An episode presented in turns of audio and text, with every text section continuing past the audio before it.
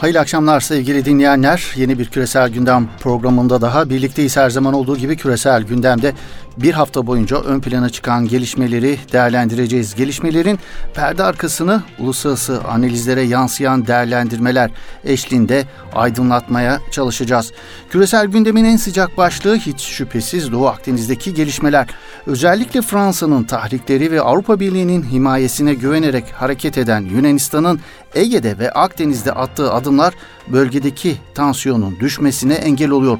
Yunanistan'ın son tahriki Lozan Barış Anlaşması'na aykırı olarak Antalya Kaş'a 2 kilometre uzaklıktaki Meis adasına asker sevk etmesi oldu.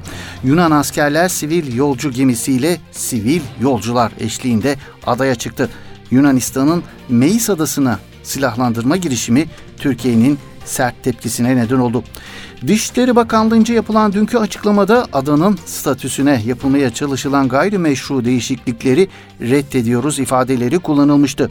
Bugün de Dışişleri Bakanı Mevlüt Çavuşoğlu adaların silahlandırılması konusunda Atina yönetimini uyararak limiti aşan silahlandırmalar olursa kaybeden Yunanistan olur açıklamasında bulundu. Antalya'nın Kaş ilçesine sadece 2 kilometre uzaklıkta bulunan Meis Adası 1947 Paris Barış Anlaşması'na göre silahsızlandırılmış ada statüsünde bulunuyor. Yunanistan silahsız asker bile bulundurma yetkisi olmadığı adalara yaptığı sevkiyatları egemenliğimiz tehdit ediliyor diye savunuyor. Yunan basınına göre Savunma Bakanlığı yetkilileri tehdit edilen bölgeler silahtan arındırılamaz. BM tüzüğünün 51. maddesine göre yasal savunma hakkımız var iddiasında bulundu Yunan Savunma Bakanlığı. Evet adaların statüsüne biraz daha yakından bakalım sevgili dinleyenler. Doğu Ege bölgesinde yer alan 12 adalar 1912 Trablusgarp Savaşı'nın ardından imzalanan Uşi Anlaşması'yla İtalya'ya verilmişti ve 2. Dünya Savaşı sonrasında imzalanan Paris Anlaşması'na göre İtalya'nın egemenliğinde kaldı. 1923'te imzalanan Lozan Barış Anlaşması'nın 13. maddesinde barışın korunmasını sağlamak amacıyla Yunan hükümeti Midilli, Sakız, Sisam ve Nikarya adalarında hiçbir deniz üssü ve hiçbir istihkam kurmayacak ifadesi yer aldı. 12 adalar 2. Dünya Savaşı'nın sona ermesinin ardından 10 Şubat 1947'de müttefik ülkelerle savaşın mağlubu İtalya arasında imzalanan anlaşma ile Yunanistan'a devredilmişti. Paris Anlaşması'nda bu adalar askerden arındırılacak ve askerden arındırılmış şekilde kalacak ifadesi yer alıyor. Yunanistan Türkiye'nin itirazlarına rağmen anlaşmalardan doğan yükümlülüklerini ihlal ediyor sevgili dinleyenler. Atina yönetimi 1960'lardan beri adaları silahlandırarak Ege adalarının silahsızlandırılmış statüsüne aykırı hareket etmekte ısrar ediyor. Türkiye'nin Yunan adalarına asker ve silah konuşlandırıldığına ilişkin itirazları 1960'ların ortalarına kadar gidiyor. Yunanistan'ın başta Rodos ve Kos adası olmak üzere silahlandırma faaliyetlerine Türkiye'nin 1974 Kıbrıs müdahalesi sonrasında hız verdiği biliniyor. Yunanistan dünya şartlarının değiştiğine 1947 Paris Barış Anlaşması ile silahsızlandırılan birçok ülkenin zaman içinde yeniden askeri güce ulaştığına dikkat çekerek faaliyetlerini savunuyor. Atina ayrıca Türkiye'nin söz konusu anlaşmanın tarafı olmadığını ve dolayısıyla bu hükümlülüklerle ilgili söz söyleme hakkı olmadığını iddia ediyor. Türkiye ise 1947 Barış Anlaşması'nın yanı sıra 1923 Lozan Anlaşması'yla da Ege'deki bazı adaların silahsızlandırılması gerektiğini kayda geçiriyor. Buna göre Ege'de silahsızlandırılmış olması gereken ada sayısının 23 olduğunu kaydeden Türkiye, Atina'nın bu adalardan 16 tanesinde asker ve silah sistemleri bulundurduğunu belirtiyor. Adaları silahlandırma konusunda ısrar eden Yunanistan'ın bundan sonra da provokasyonları sürdüreceği tahmin ediliyor. Bu anlamda önümüzdeki günlerde Yunanistan'ın Meis adasını kullanarak Güney Kıbrıs Rum yönetimiyle münhasır ekonomik bölge anlaşması imzalayabileceği dillendiriliyor. Yunanistan'ın bölgede tansiyonu daha da yükseltecek bir diğer adımının Ege'de karasularını 12 mile çıkarmak olacak. Türkiye bunun savaş sebebi olacağını belirtiyor. Amiyane ifadeyle askeri anlamda eti butu belli Yunanistan, Türkiye'ye karşı neye güvenerek tansiyonu yükseltiyor. Avrupa Birliği'nin şımarık çocuğu Yunanistan'ın bu kof kabadayılığının arkasında neden? Başta Avrupa'daki abilerinin Türkiye karşı kendisini kollayacağı yönündeki kanaati sevgi dinlerler. Tabi bu noktada Fransa'nın tahriklerinin altını çizmek gerekiyor. Macron'un Yunanistan'ı Doğu Akdeniz ve Ege'deki provokasyonları anlamında desteklemesi Yunan hükümetini daha da cesaretlendiriyor. Yunanistan'ı ateşe süren Macron yönetimi bu uğurda kesenin ağzını sonuna kadar açmışa da benziyor. Gelen haberler borç batağındaki Yunanistan'ın Akdeniz'deki en büyük destekçisi Fransa'dan önümüzdeki 5 yıl içinde 10 milyar euroluk silah satın alacağını söylüyor. Aslında bu bir satış değil, hibe sevgili dinleyenler. Öte yandan Doğu Akdeniz'de Ankara-Atina hattında gerilim devam ederken Oruç Reis'in varlığından Yunanistan kadar rahatsız olan Fransa'dan flash bir hamle geldi. Yunan basınına konuşan Fransız kaynaklar önceki gün Fransa'nın amiral gemisi Charles de Gaulle'un Doğu Akdeniz'e gönderileceğini duyurdu. Fransa'nın bu denli Türkiye karşıtlığını oynamasının sebebi ne peki sevgili dinlerler? Gerek Libya'da gerek Suriye ve Doğu Akdeniz'de Türkiye'nin engel olması sebebiyle hedeflerine ulaşamayan Macron yönetiminin Türkiye'ye karşı inanılmaz bir hazımsızlık yaşadığı ortada. Türkiye'nin hamlesi sonucu Libya'da uğradığı kayıpların rovanşını alma hırsı yine öte yandan Doğu Akdeniz'deki enerji kaynaklarının paylaşımında söz sahibi olma gibi çabalarının Türkiye tarafından akamete uğratılmasının yanı sıra Macron'un Türkiye yönelik çatışmacı politikasının arkasında yatan başka nedenlerin de altı çiziliyor. Bu noktada Macron'un Avrupa Birliği içinde ağırlığını kaybeden Fransa'yı Almanya'nın gölgesinden kurtarmaya çalıştığı yönündeki tespitler dikkat çekici. Sakarya Üniversitesi Siyasal Bilgiler Fakültesi Uluslararası İlişkiler Bölümü öğretim üyesi Profesör Doktor Kemal İnat Anadolu için kaleme aldığı analizinde şunları söylüyor. Macron'un eski güçlü günlerine dönüp Avrupa Birliği'ne yön veren aktör haline getirme misyonuyla göreve geldiğini düşündüğünü söylüyor Macron için Profesör Doktor Kemal İnat. Bu konuda başarısız olması durumunda bir sonraki seçimlerde aşırı sağcıların Fransa'da iktidara gelmesi ihtimali ise Macron'un hem korkusu hem de şansı diyen Kemal İnat, zira aynı korkuyu taşıyan Avrupacılar başarılı olması için Macron'a ellerinden gelen desteği veriyorlar. Fakat büyük ümitlerle iktidara taşınan ve desteklenen Macron'un geldiği günden beri iç siyasette ciddi sorunlarla karşı karşıya olduğu ve özellikle sarı yelekliler diye adlandırılan protesto gösterilerinde Fransız toplumundaki meşruiyetinin ciddi yara aldığı görülüyor. Fransa'nın Almanya ve diğer Avrupa ülkeleri karşısında rekabet gücünün koruması için gerçekleştirmeye çalıştığı reformlar içeride büyük bir dirençle karşılaştı ve sonuçta hem söz konusu reformlar gerçekleştirilemedi hem de Macron'un iktidarı zayıfladı. İçeride yaşadığı bu sorunlar Macron'un gündemi iç politikadan dışarıya çekmek için adımlar atmasına ve Fransız dış politikasının zaten müdahaleci ve agresif olan çizgisini daha da belirginleştirmesine yol açtı.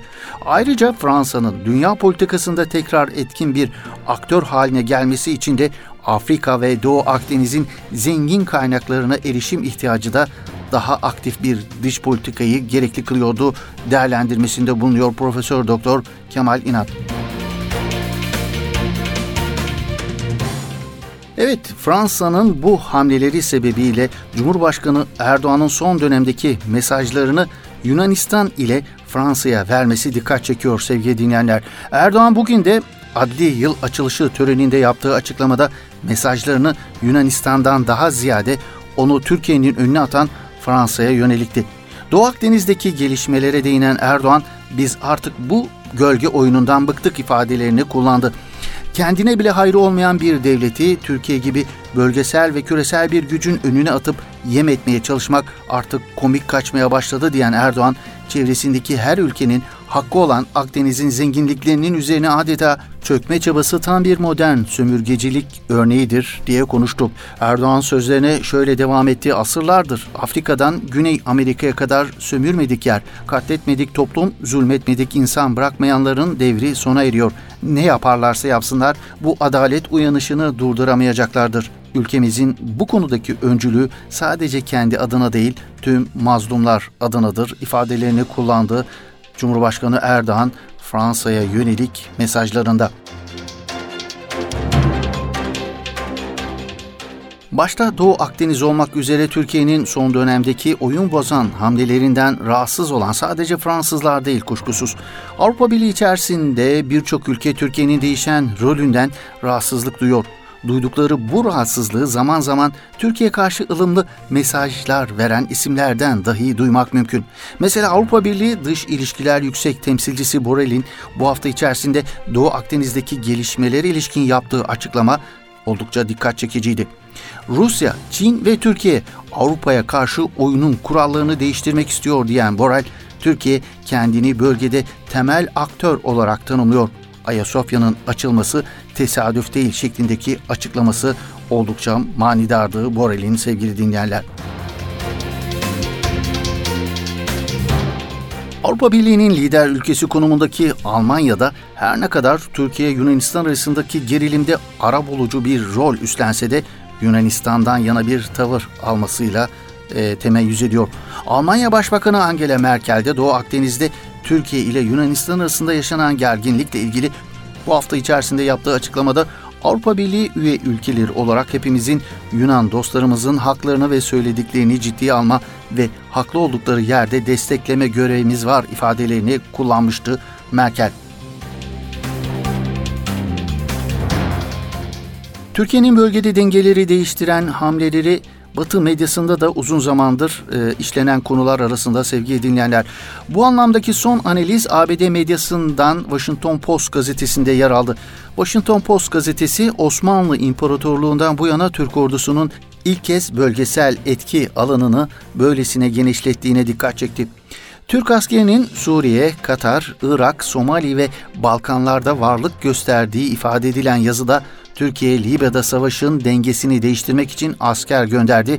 Aynı zamanda Akdeniz ve Ege'de devriye atıyor denildi. Türkiye'nin Azerbaycan üzerindeki askeri etkinliğinin de artırdığına dikkat çekilen yazıda Türkiye'nin bu ülkede bir hava üssüne erişimi var ifadesi de kullanıldı. Türkiye ve Yunanistan arasında Doğu Akdeniz'de yaşanan yetki alanları ile ilgili gerilim Alman medyasında da geniş yer buluyor. Yorumlarda krizin çözümü için diyaloğa işaret ediliyor. Alman basınında konuyu irdeleyen gazetelerden biri olan Narkische Ona Zeitung, doğal gaz arama anlaşmazlığı konusunda Yunanistan'ın da masum olmadığı vurgulanıyor. Yine Alman medyasından Handelsblatt gazetesi ise gerilimin çözümünde Avrupa Birliği'nin rolüne işaret ederek bu çözüm içinde tek yolun müzakere olduğu vurgulanıyor. Türkiye ile anlaşmazlığın çözülmesi Avrupa için bir test. Berlin ve Paris ancak birlikte bir sonuca ulaşabilir. Macron ve Merkel'in iyi polis, kötü polis stratejisi şu ana kadar gerilimi sadece tırmandırdı. İhtiyaç duyulan bölgede daha fazla asker değil, daha fazla diyalog. Ancak bu şekilde tüm şartlar müzakere edilebilir. Silah şovu ile durum sadece daha kötüye gider diyor Alman medyası. Evet Doğu Akdeniz'deki gerilemin yansımalarından geçiyoruz Orta Doğu'ya sevgili dinleyenler. Birleşik Arap Emirlikleri ile İsrail arasında Amerika Birleşik Devletleri'nin ara buluculuğu ile yapılan normalleşme anlaşmasının ardından iki ülke arasındaki ilk ticari uçuş dün itibariyle gerçekleşti.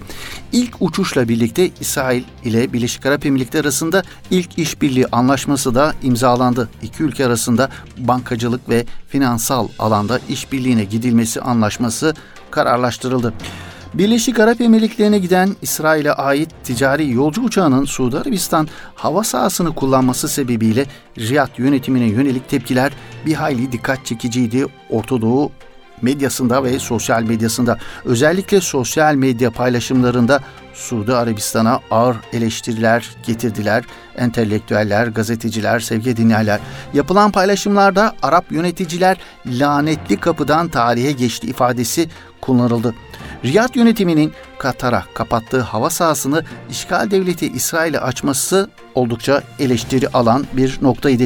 Suudi Arabistanlı akademisyen Said bin Nasır El Gamidi Twitter'dan yaptığı açıklamada İsrail uçağının geçtiği Suudi Arabistan hava sahasının Katar hava yollarına hala kapalı olduğuna dikkat çekti. Sudanlı mütefekkir Taç Es-Sır Osman sosyal medya paylaşımında tarihte ilk kez bir Müslüman ülke ticaretlerini ve ibadetlerini yapması için hava sahasını Yahudilere açarken Müslüman din kardeşi komşusunun haç ve ümre vazifelerini yapmasını engelliyor. Tarih bu ayıbı kaydettiği paylaşımında bulundu. Mısır'daki Müslüman Kardeşler Teşkilatı sözcüsü Talat Fehmi de yaptığı yazılı açıklamada Birleşik Arap Emirlikleri'ne giden ilk İsrail uçağının Suudi Arabistan üzerinden geçmesi Filistin davasına yönelik yeni bir ihanettir ifadesini kullandı. Fehmi, Filistin'in özgürleştirilmesi meselesinin İslam ümmetinin öncelikli davalarından biri olarak kalmaya devam edeceğini ve Mescid-i Aksa'nın Arapların ve Müslümanların kalbindeki yerini koruyacağını vurguladı. Mısırlı muhalif Masum Merzuk ise sosyal medya hesabı Twitter'dan paylaştığı açıklamasında İsrail uçağının Suudi Arabistan'dan geçerek Birleşik Arap Emirlikleri'ne inmesi dünya borsasında Arapların onur fiyatının düşüşüdür ifadelerini kullandı.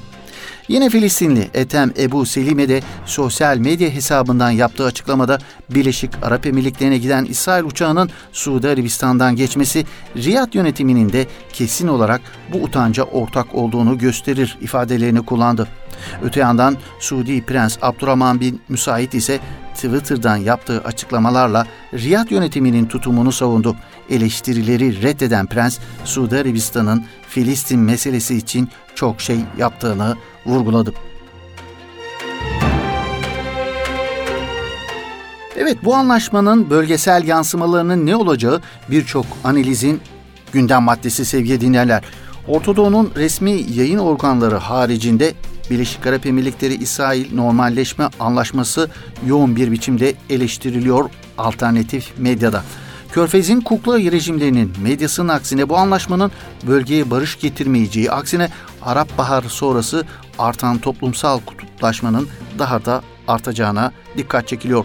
Arapların değil de İsrail'in menfaatleri doğrultusunda sonuçlar doğuracak anlaşmanın bölgesel yansımalarının ne olacağı sorusu batılı yayın organlarının da gündeminde. Evet Orta Doğu alanında danışman, yazar ve yorumcu olan Jason Peck 21 Ağustos'ta Foreign Policy için kaleme aldığı İsrail Birleşik Arap Emirlikleri Anlaşması Libya'ya barış getirmeyip savaşı uzatacak başlıklı yazısında bu yeni mutabakatın Libya'yı nasıl etkileyeceğini konu ediniyor. Yazar 10 yıllardır Arap-İsrail çatışmasının Orta Doğu'nun temel jeopolitik fay hattı olduğunu ancak Körfez ülkelerinin İran'ın artan bölgesel gücünden korkarak sessiz sedasız İsrail ile aynı hizaya gelmesiyle son yıllarda bu durumun değiştiğini ve İsrail ile Birleşik Arap Emirlikleri arasındaki son anlaşmanın da bu kaymayı yalnızca resmiyete döktüğünü belirterek yazısına başlıyor. Anlaşmanın İsrail-Filistin çatışmasının çözümünde fazla bir etkisi olmayabilir ama başka yerlerde Arap Baharı'ndan bu yana bölgeyi saran mevcut soğuk savaşı pekiştirmek suretiyle derinden etkili olacaktır diyor ekliyor. Yazının dikkat çeken bölümlerini Fatma Zahide Korun tercümesiyle paylaşmak istiyoruz sevgili dinleyenler. Yazara göre Libya başta olmak üzere vekalet savaşlarının çözümünü iyice zorlaştıran şey tam da bu bölgesel gerilimler. 21 Ağustos'ta Birleşmiş Milletler tarafından tanınan ve Türkiye'nin de desteklediği Trablus merkezli ulusal mutabakat hükümeti tek taraflı ateşkes ilan etse de Orta Doğu'daki iki rakip blok arasında gerçek bir yumuşama olmadan bölgedeki vekalet çatışmalarının gerçek sahiplerini ortadan kaldırma umudu da yok. Yazar Birleşik Arap Emirlikleri İsrail Anlaşması'nın bölgesel önemini şöyle anlatıyor. İsrail'in Mısır, Ürdün, Fas, Birleşik Arap Emirlikleri, Suudi Arabistan ve kısmen Umman, Sudan ve Kuveyt'ten müteşekkil gelenekselci monarşi yanlısı Müslüman kardeşler karşıtı bloğa sıkı bir şekilde entegrasyonuyla birlikte Orta Doğu'nun iki rakip blok olarak bölünmesini resmileştirerek bölgenin geleceğini şekillendirmesi muhtemeldir. Bu blok iktisadi gücün çoğuna sahip olsa da hali hazırda statükoya karşı çıkan ve siyasal İslam'ın farklı türlerini destekleyen yükselişteki bir hükümetler grubu tarafından bölgesel olarak köşeye sıkıştırılmış durumda. Bu rakip isyancı bloğa Türkiye, İran ve Katar liderlik ediyor. Bir barış anlaşması olarak göklere çıkarılmasına rağmen Birleşik Arap Emirlikleri İsrail anlaşması büyük ihtimalle mevcut bölgesel savaşları daha da uzatacak. İki bloğun rakip aktörleri desteklediği Orta Doğu'nun başta Yemen, Libya ve Suriye olmak üzere çekişmeli bölgelerindeki çatışmayı yoğunlaştıracak. İsyancı blok her üç çatışmayı da kazanıyor. Yazar Birleşik Arap Emirlikleri'nin bölge çatışmalarındaki temel stratejisini ise şöyle özetliyor. Birleşik Arap Emirlikleri bu çatışmalardaki ana stratejisinin müttefiklerinin politika yapım süreçlerini kontrol etmek olduğunu ispatladı. Son 3 yıldır Birleşik Arap Emirlikleri liderleri bu çekişmeli bölgelerde kendilerine veya vekillerine savaşma noktasında sınırsız serbestlik vermesi için Riyad ve Washington'la ilişkilerini sonuna kadar kullandı. Yine de büyük diplomatik başarılarına rağmen Birleşik Arap Emirlikleri her üç alanda da askeri olarak tökezliyor. Son 9 yıldır Libya bölgenin iki bloğu arasında kilit bir savaş alanı oldu diyen yazar, Libya içinde çatışan tarafları bunların dış destekçilerini ve Türkiye'nin bu yılın başında fiilen oyuna girişini anlattıktan sonra şöyle diyor. Türkiye'nin saldırgan bölgesel duruşuna rağmen Hafter'i yerinde tutup uzlaşıya varmayı ve Libya'daki iç savaşı sona erdirmeyi zorlaştıran faktör Rusya ve Birleşik Arap Emirlikleri'nin maksimalizmidir. Hafter'in artık sahneden çekilme zamanının geldiğini destekçileri bile gittikçe daha fazla kabul ediyor. Geçtiğimiz ilkbaharda Trablus'taki savaşı kesin olarak kaybettikten sonra hem Kahire hem de Moskova Libya Temsilciler Meclisi Başkanı Akile Salih'in ülkenin doğusu için alternatif bir güç odağı olarak öne çıkmaya başladı diyen yazar, ayrıca Hafter'in özel uçağının 24 Nisan'da Venezuela'nın başkenti Caracas'a giderken tespit edildiğini, 3 gün sonra uçağın İsviçre'ye gittiğini ve ardından Mayıs başında Dubai'ye indiğini hatırlatıyor. Bu gezinin amacının Amerikan dolarlarını Venezuela altınlarıyla değiştirmek olduğu iddiasına yer vererek bunun Washington'daki yansımalarını şöyle değerlendiriyor. Hafter, ABD Maliye Bakanlığı'nın Venezuela yaptırımlarını ihlal ederek Trump yönetimine kazık attığında Washington'ın Libya politikasında uzun süredir devam eden ikilik bir an için ortadan kalkmış gibi göründü. Yaklaşık 3 aylık bu kısa sürede Amerikan yönetimi petrol gelirlerinden daha fazla pay talebiyle Birleşik Arap Emirlikleri, Rusya ve Hafter'in müttefiki kabileler tarafından korunan Libya'ya yönelik petrol ablukasını kaldırmaya yönelik müzakerelere öncülük etti. Ulusal Mutabakat Hükümeti'nin toprak kazanımlarını pekiştirmek için Türkiye ile eşgüdüm içindeydi. Hafter güçlerini insan hakları ihlalleriyle suçladı ve iki ana hizip arasında mekik diplomasisi yürüttü. Ancak yazara göre Birleşik Arap Emirlikleri İsrail Anlaşması Libya konusunda Beyaz Saray ile Dışişleri Pentagon arasındaki bu tedrici yakınlaşmanın ve Washington'ın muhtemel istikrar sağlayıcı rolünün bir anda sonunu getirecek ve Beyaz Saray'ın Libya politikası yine Abu Dhabi Veliaht Prensi Muhammed Bin Zayed'in emrine amade olacak diyor. Evet Orta Doğu'dan ABD seçimlerine geçiyoruz. Özellikle Amerika Birleşik Devletleri Birleşik Arap Emirlikleri ilişkilerine ilişkin bu tespitin ardından ABD'de 3 Kasım'da yapılacak başkanlık seçimleri yaklaşırken anketlerin neler söylediğine bakalım. Demokrat aday Joe Biden uzun zamandır önde götürdüğü anketlerde başkan ve cumhuriyetçi aday Donald Trump'ın özellikle kritik eyaletlerde arayı kapatmaya başladığı görülüyor. ABD'de yayın yapan ve güvenilir kabul edilen siyasi analiz sitesi Real Clear Politik'in derlediği güncel anketlere göre ülke genelinde Demokrat aday Biden yarışı Trump'ın ortalama %6.9 önünde götürüyor. Biden'ın 28 Temmuz'da ulusal çapta %9 önde olduğu göz önüne alındığında Trump'ın yavaşta olsa yarışta Biden ile arayı kapattığı görülüyor. Evet dünyadan derlediğimiz kısa haber turumuzda bugünkü küresel gündem programımızı toparlıyoruz sevgili dinleyenler. Suudi Arabistan'da yolsuzlukla mücadele adı altında gerçekleşen siyasi tutuklamalara bir yenisi daha eklendi. Suudi Arabistan'da yolsuzlukla mücadele soruşturması kapsamında kraliyet ailesinin iki üyesi dahil bazı üst düzey yetkililer görevlerinden alındı. Kral Selman bin Abdülaziz'in kraliyet kararnamesiyle görevden alınanlar arasında Yemen'deki savaşın başındaki kişi olan Ortak Kuvvetler Komutanı Kor General Fahd bin Türki bin Abdülaziz ile oğlu Cef bölgesi emir vekili Prens Abdülaziz bin Fahd bin Türki bin Abdülaziz de bulunuyor. Suudi makamlarının yolsuzlukla mücadele kapsamında alındığını belirttiği kararların aslında Veliaht Prens Muhammed Bin Selman'ın yönlendirilmesi doğrultusunda alındığı biliniyor. Yüksek profilli kişileri kapsayan söz konusu kararların 35 yaşındaki Veliaht Prens Bin Selman'ın iktidarı elinde tutmasının önündeki engelleri kaldırmayı amaçladığı şeklinde yorumlanıyor bu tutuklamalar sevgili dinleyenler. Sudan'da hükümet ve çok sayıda silahlı muhalif grubu bünyesinde barındıran Sudan Devrimci Cephesi arasında 17 yıllık çatışmaya son veren barış anlaşması imzalandı.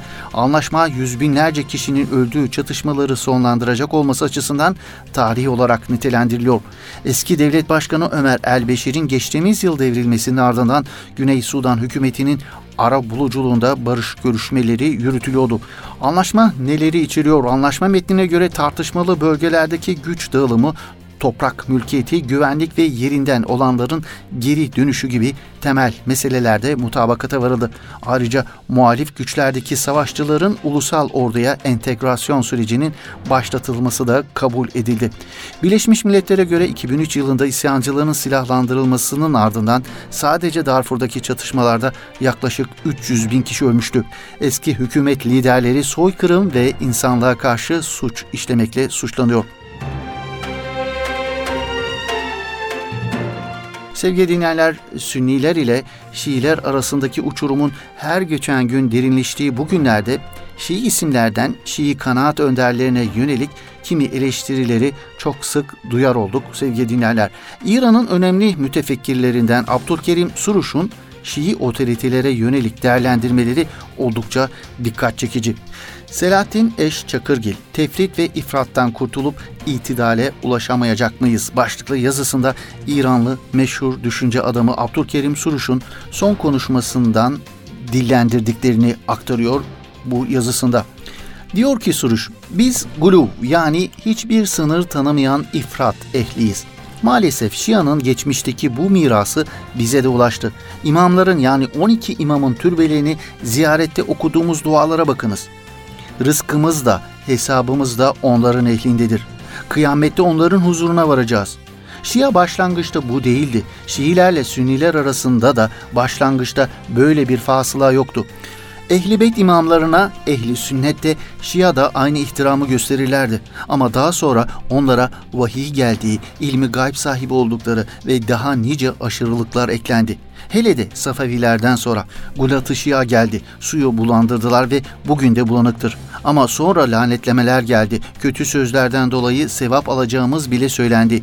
Dini önderlerimiz öğrettiler lanet etmeyi halka. Bizim en büyük yanlışlarımızdan biri de peygamberin halifelerine lanet okumaktı ve bu bağışlanamazdı ve bugün de bağışlanası bir durum değil. Ehli sünnet bundan dolayı bizi asla bağışlamadı, bağışlanacak bir konuda değil çünkü. Rencide olanlar bizim Müslüman kardeşlerimizdi. Onların gönlünü kırdık, kalplerine kin yerleştirdik. Halbuki İmam Ali oğullarının adını Ebu Bekr, Ömer koymuştu. İmam Cafer Sadık ve İmam Musa Kasım'ın kızının adı da Ayşe'ydi. Şimdi deniliyor ki filan ayetullah lanet etmenin haram olduğuna dair fetva verdi.